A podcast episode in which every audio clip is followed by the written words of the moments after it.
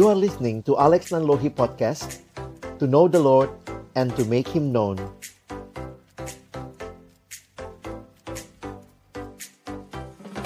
Shalom, selamat sore teman-teman sekalian. Bersyukur kepada Tuhan buat kesempatan boleh bertemu. Ini ber, bukan berjumpa ya, tapi berzumpa.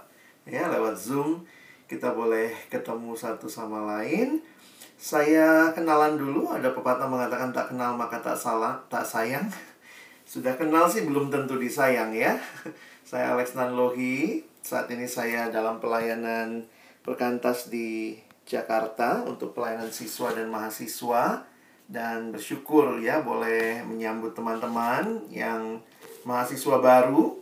Tapi juga tentunya buat teman-teman yang mahasiswa lama ya senang ya boleh tetap bersekutu dan boleh bertumbuh di dalam Tuhan. Hari ini kita akan melihat sama-sama tema yang diberikan kepada kita ada bagian uh, firman Tuhan yang juga saya rindu nanti kita boleh baca bersama. Namun sebelumnya, abang pingin kita sharing dulu yuk gitu ya. Tapi mungkin karena sharingnya nggak bisa semua langsung ngomong gitu ya. Jadi saya mau ajak teman-teman untuk uh, coba memilih ya. Coba pilih dalam situasi ya ini khususnya buat teman-teman yang harus belajar online begitu ya. Uh, udah setahun nih ya kita lewati untuk yang mahasiswa lama yang baru juga sudah uh, hampir ya lebih dari enam bulan begitu belajarnya online. Kalau ditanya kira-kira apa yang mewakili perasaanmu dengan pembelajaran online ini ya kalian lihat di depan ada sembilan ekspresi ya Abang minta kalian coba pilih kalau ditanya dengan kondisimu sampai saat ini belajar online yang mana ekspresimu nomor berapa? Maksimal dua, ya? Boleh. Maksimal dua, ya?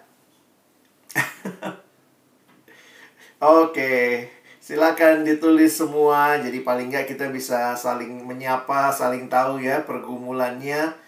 Oke, rata-rata dua ya. Oke.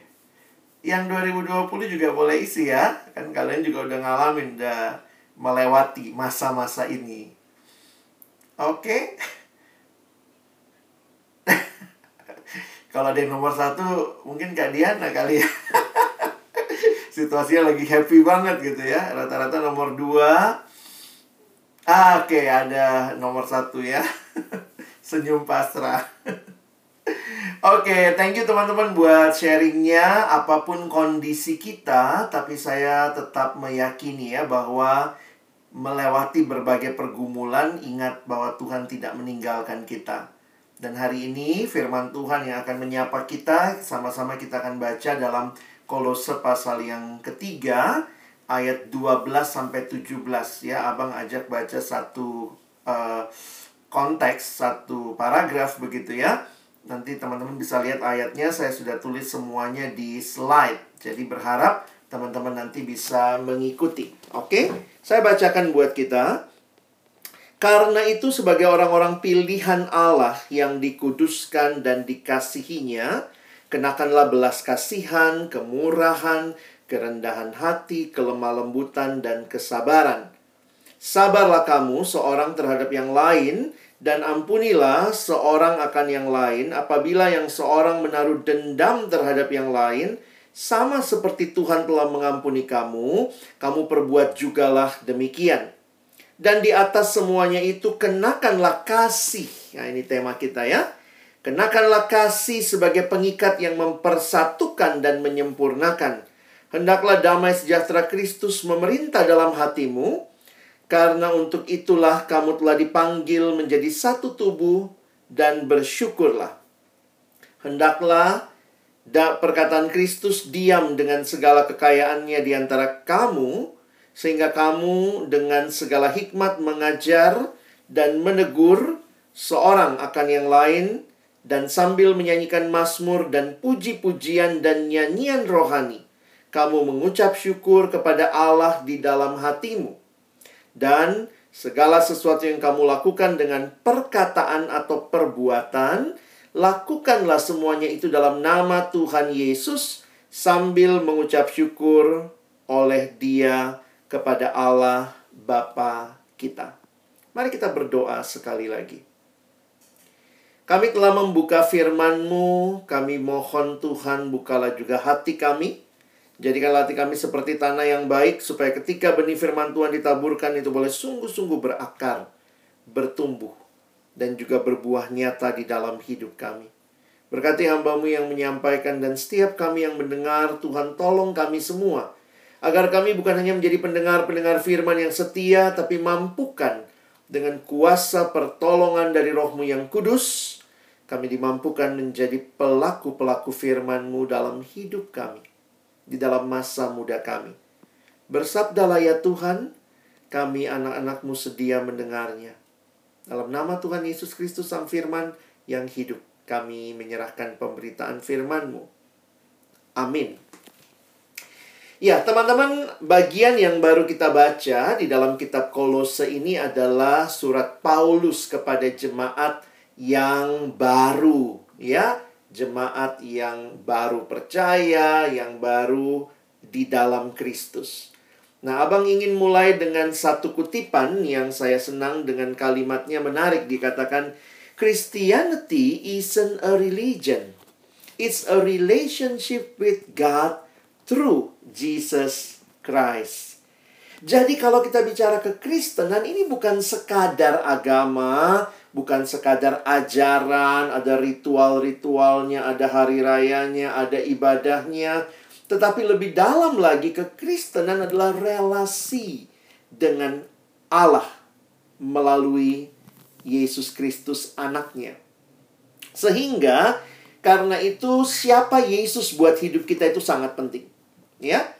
Siapa Yesus buat hidup kita itu sangat penting. Dan ini di dalam kitab-kitab yang dituliskan Rasul Paulus, dia sangat menegaskan ya posisi itu sangat penting. Kalian generasi GPS ya, posisi itu sangat penting. Perhatikan bahwa apakah ada di dalam daging, berarti ada di dalam dosa, atau ada di dalam Kristus. Jadi relasi dengan Kristus menandai awal sebuah kehidupan yang baru kehidupan Kristen di mana Christ in you. Karena itu kalau kalian perhatikan, kalau nanti baca dari ayat yang kelima, tadi abang langsung baca dari ayat 12 ya. Tapi coba lihat ayat yang kelima sampai ayat yang ke sembilan. Sebenarnya itu bicara hidup di dalam daging. Hidup di dalam dosa. Karena itu Paulus pakai kalimat yang sangat tegas matikanlah. Nanti kalau kalian baca itu di ayat 5, matikanlah ya.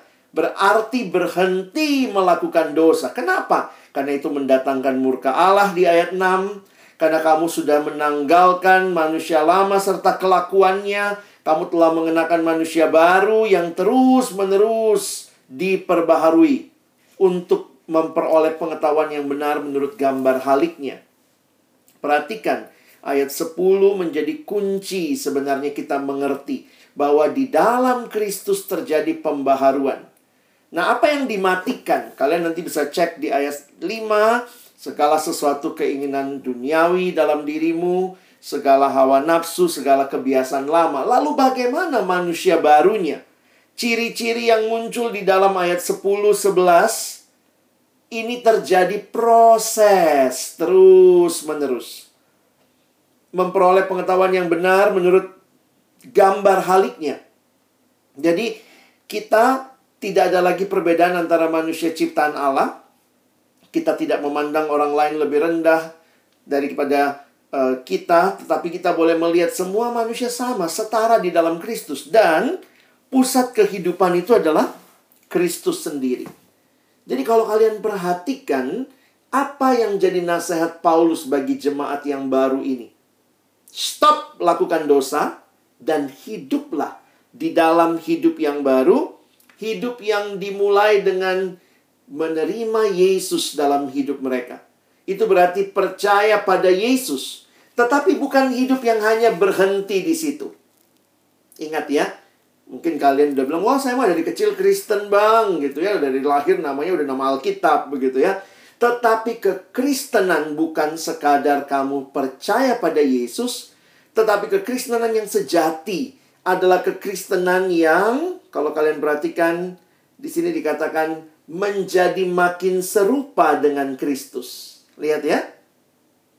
Bukan hanya percaya Yesus, believing in Christ, but becoming like Christ. Tuhan rindu teman-teman bertumbuh. Saya pikir gitu ya. Ada nggak sih orang tua yang pingin anaknya uh, tidak bertumbuh? Pingin anaknya kecil terus. Wah, jangan besar kau nak ya. Kadang-kadang kalau orang tua malah memberikan segala asupan gizi yang terbaik supaya anaknya bertumbuh. Kalau orang tua duniawi kita saja rindu sekali kita bertumbuh. Apalagi Bapa Surgawi. Engkau bukan hanya percaya Yesus tetapi kemudian Tuhan mau engkau bertumbuh. Karena itu kita bersyukur ya. Saya pikir kita sangat bersyukur. Banyak kampus di Indonesia belum tentu semuanya punya persekutuan seperti ini. Tuhan care bukan saja kamu dapat ilmu yang bagus, kamu masuk kuliah di universitas yang baik, di kampus yang baik, tapi Tuhan mau kamu juga secara rohani bertumbuh. Nah, itulah fokus dari ayat-ayat yang kita baca tadi. Jadi kalau ada yang ditanggalkan, kayak Paulus pakai istilah kayak buka baju gitu ya, menanggalkan manusia lama, maka Paulus mengatakan bukan hanya menanggalkan, ada yang dikenakan. Itulah yang teman-teman lihat di ayat yang ke-12 sampai yang ke-17. Ada identitas baru. Sekarang kamu adalah orang-orang pilihan Allah yang dikuduskan dan dikasihinya. Ya, berbuatlah seperti apa yang Tuhan telah perbuat kepadamu. Saya pikir Tuhan menyelamatkan kita bukan supaya kita tinggal dalam dosa. Bukan. Bukan supaya kita mempermalukan Tuhan. Tuhan mau kita hidup mempermuliakan dia. Karena itu lihat ya, ada hal-hal yang Paulus ingatkan harus dibangun. Nah, ini kayak Paulus di dalam kitab lain bilangnya ini buah roh ya. Belas kasihan, kemurahan, kerendahan hati, kelemah lembutan dan kesabaran. Lalu perhatikan di dalam bagian selanjutnya. Belajar sabar seorang terhadap yang lain. Belajar saling mengampuni apabila yang seorang menaruh dendam terhadap yang lain sama seperti Tuhan telah mengampuni kamu, kamu perbuatlah juga demikian. Nah, ini ayat kita. Kenakanlah kasih sebagai pengikat yang mempersatukan dan menyempurnakan. Jadi kalau kalian bisa perhatikan di situ, kenakanlah kasih. Kasih itulah yang menyempurnakan, mempersatukan. Dan kalimat selanjutnya, lihat, ayat 12, ayat 15 ya. Damai sejahtera Kristus memerintah hatimu bukan lagi dosa, bukan sungut-sungut yang muncul tapi bersyukur. Lalu perhatikan, hendaklah perkataan Kristus. Abang menafsirkan perkataan Kristus dengan segala kekayaannya itu adalah firman Tuhan. Dari sekolah minggu kita udah belajar ya bagaimana bertumbuh adik-adik. Baca kitab suci, doa tiap hari kalau mau tumbuh. Jadi perhatikan bagaimana kamu bertumbuh perkataan Kristus dengan segala kekayaannya diam di antara kamu dan akhirnya lakukanlah segala sesuatu dalam nama Tuhan. Dan perhatikan baik-baik bagaimana semua hal ini bisa kita alami.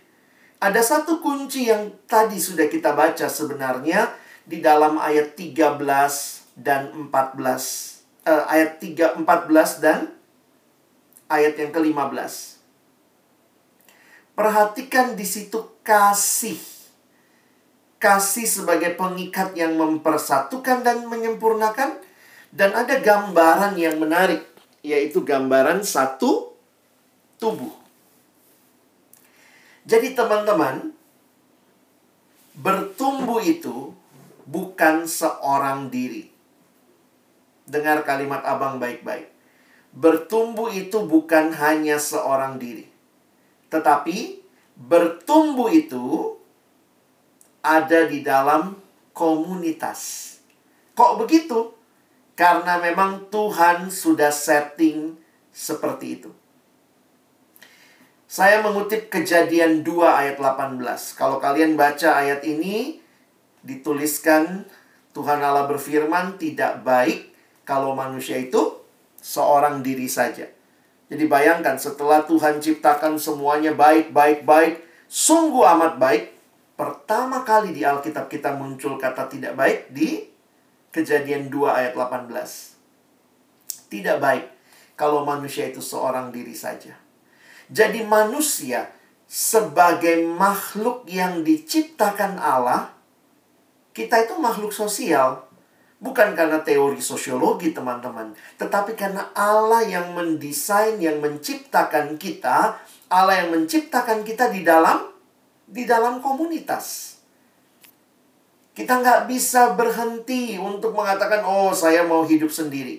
Nggak ada bayi begitu lahir langsung bisa mandiri. Nggak ada. Nggak ada bayi baru lahir langsung bisa beli susu sendiri. Nggak ada itu. Kalau sampai ada yang jualan susu yang lari gitu ya. Jadi menunjukkan bahwa Tuhan menciptakan kita dalam komunitas. Karena itu saya mengutip kalimat ini. Karena itu Allah menghendaki kita saling mengasihi. Kalimat dari pendeta John Stott dia mengatakan, sebagaimana ikan dibuat untuk air, umat manusia dibuat untuk kasih, untuk mengasihi Allah dan mengasihi sesama. Jadi perhatikan ya, kita kadang-kadang suka nyanyi lagu itu ya. Sungguh alangkah baiknya, sungguh alangkah indahnya. Bila saudara seiman diam bersama dengan rukun. Nah, perhatikan kalimat di refrainnya. Sebab ke sanalah Tuhan memerintahkan berkat kehidupan selama-lamanya. Ke mana ke sananya? Kalau nyanyi itu selalu sebab ke sanalah. Nggak tahu ke sananya kita nunjuk mana ya. Kalau kalian mengerti ayat ini, ingat depannya. Sungguh alangkah baiknya kalau diam bersama dengan rukun. Kalau hidup bersatu, hidup bersama dengan rukun. Karena ke sanalah. Ke dalam kesatuan orang percaya itulah Tuhan mengaruniakan berkatnya. Jadi, teman-temanku yang dikasihi Tuhan, ingatlah baik-baik prinsip ini dari ayat yang kita baca tadi bahwa untuk membuat engkau dan saya bertumbuh Tuhan berikan komunitas yang disempurnakan oleh kasih dan bentuknya satu tubuh. Jadi nggak ada dari kita yang bisa berkata saya bisa bertumbuh sendiri. Nggak ada. Karena itu bersyukurlah. Ya, bersyukurlah untuk sesama kita. Ya, puji Tuhan, Tuhan kasih sesama. Karena di Alkitab kalau kalian lihat banyak sekali ayat tentang satu sama lain. Atau mungkin bahasa lain biasa dipakai saling. Bahasa Inggris pakai istilah one another. Coba lihat. Ini one another di Alkitab saling mengaku dosa, saling mendoakan, saling melayani, saling mengasihi, saling mengampuni, saling membangun, saling menerima satu sama lain. Jadi saya makin sadar gini ya, pertumbuhan saya, rohani saya bertumbuh, kan Tuhan gak mau saya kerdil terus dalam kerohanian. Apa yang dia berikan? Dia berikan komunitas satu sama lain. Jadi, kalau kamu sungguh-sungguh mengerti Alkitab, kamu akan mengerti bahwa ada banyak sekali ayat seperti ini. Dan ini banyak bagian yang diperintahkan. Ya, jadi ini bukan suggestion.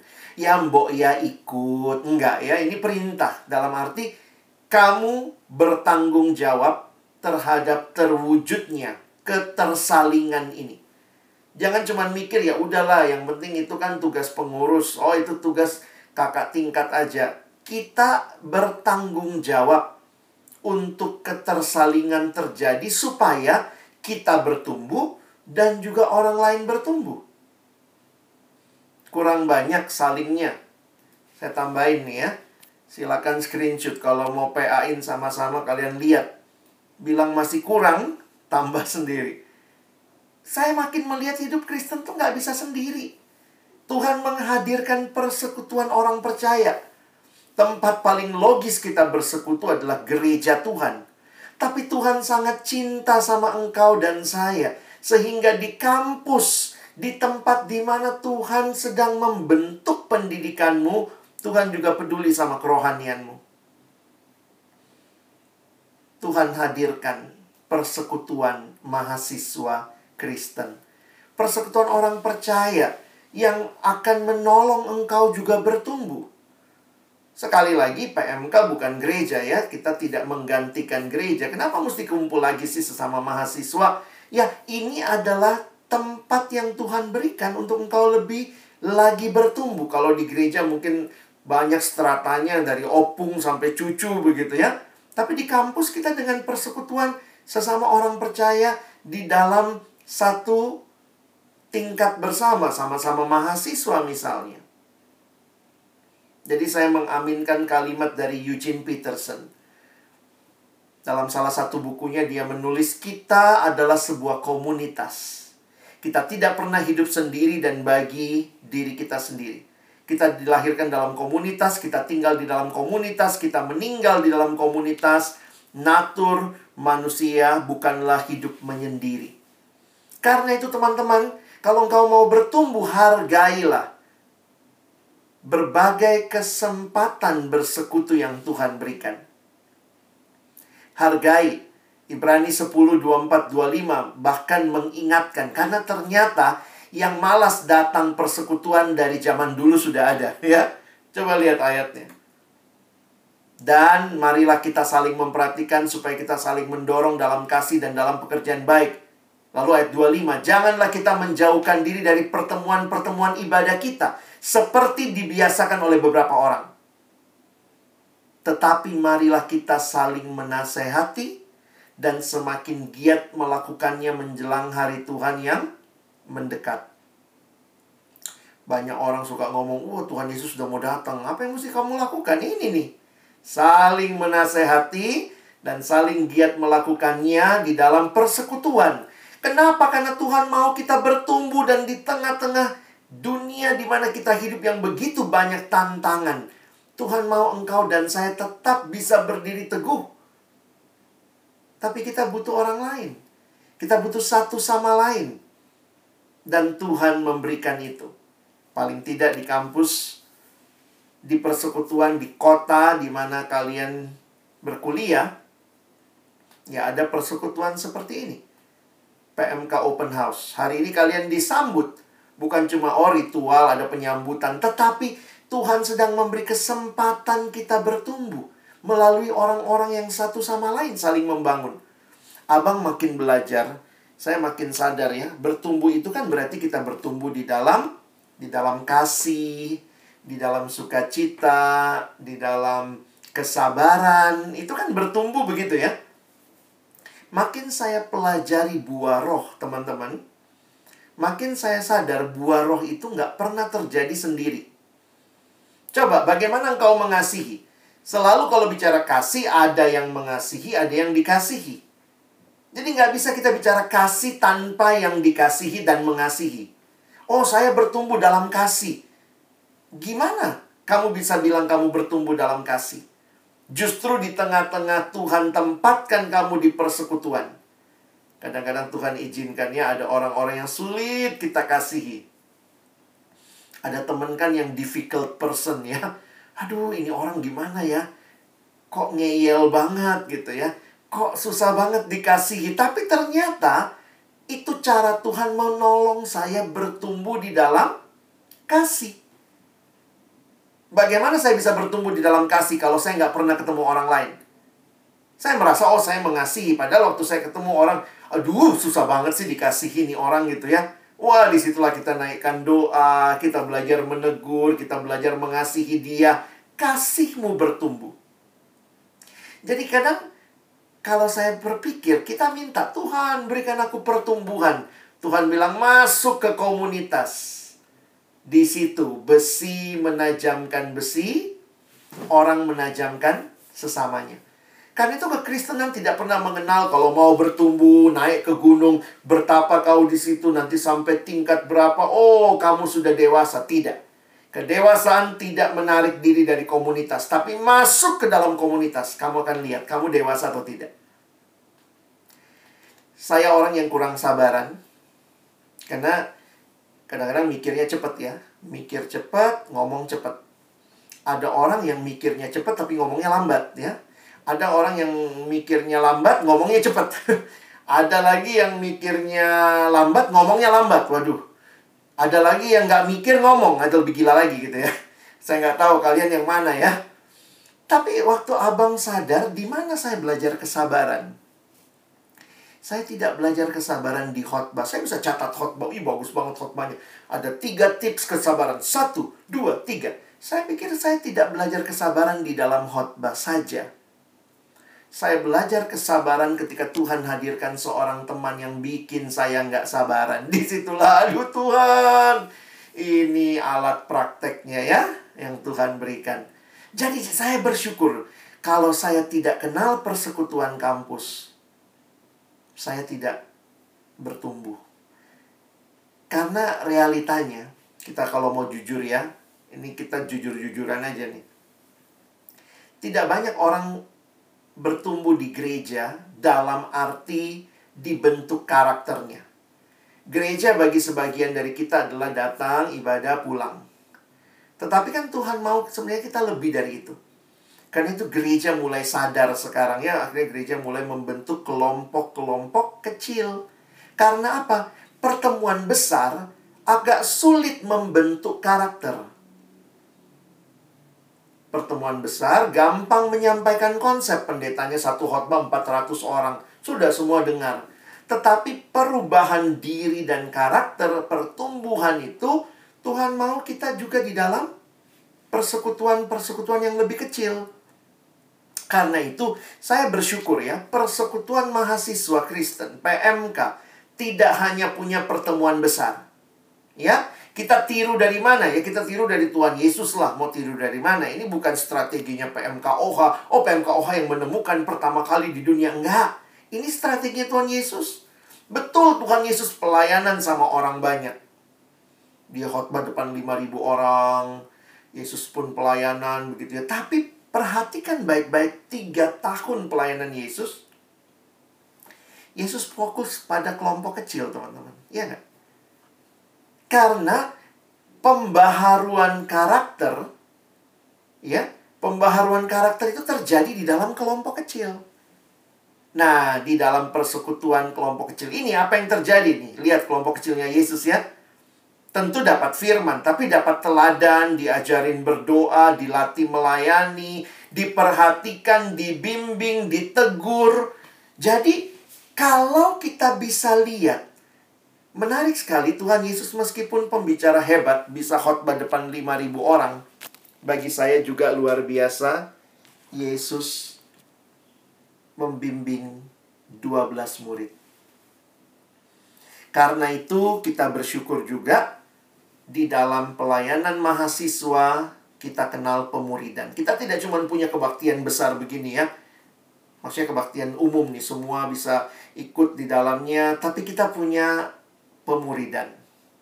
Ada KTB, ya, ini istilah yang biasa dipakai kelompok tumbuh bersama.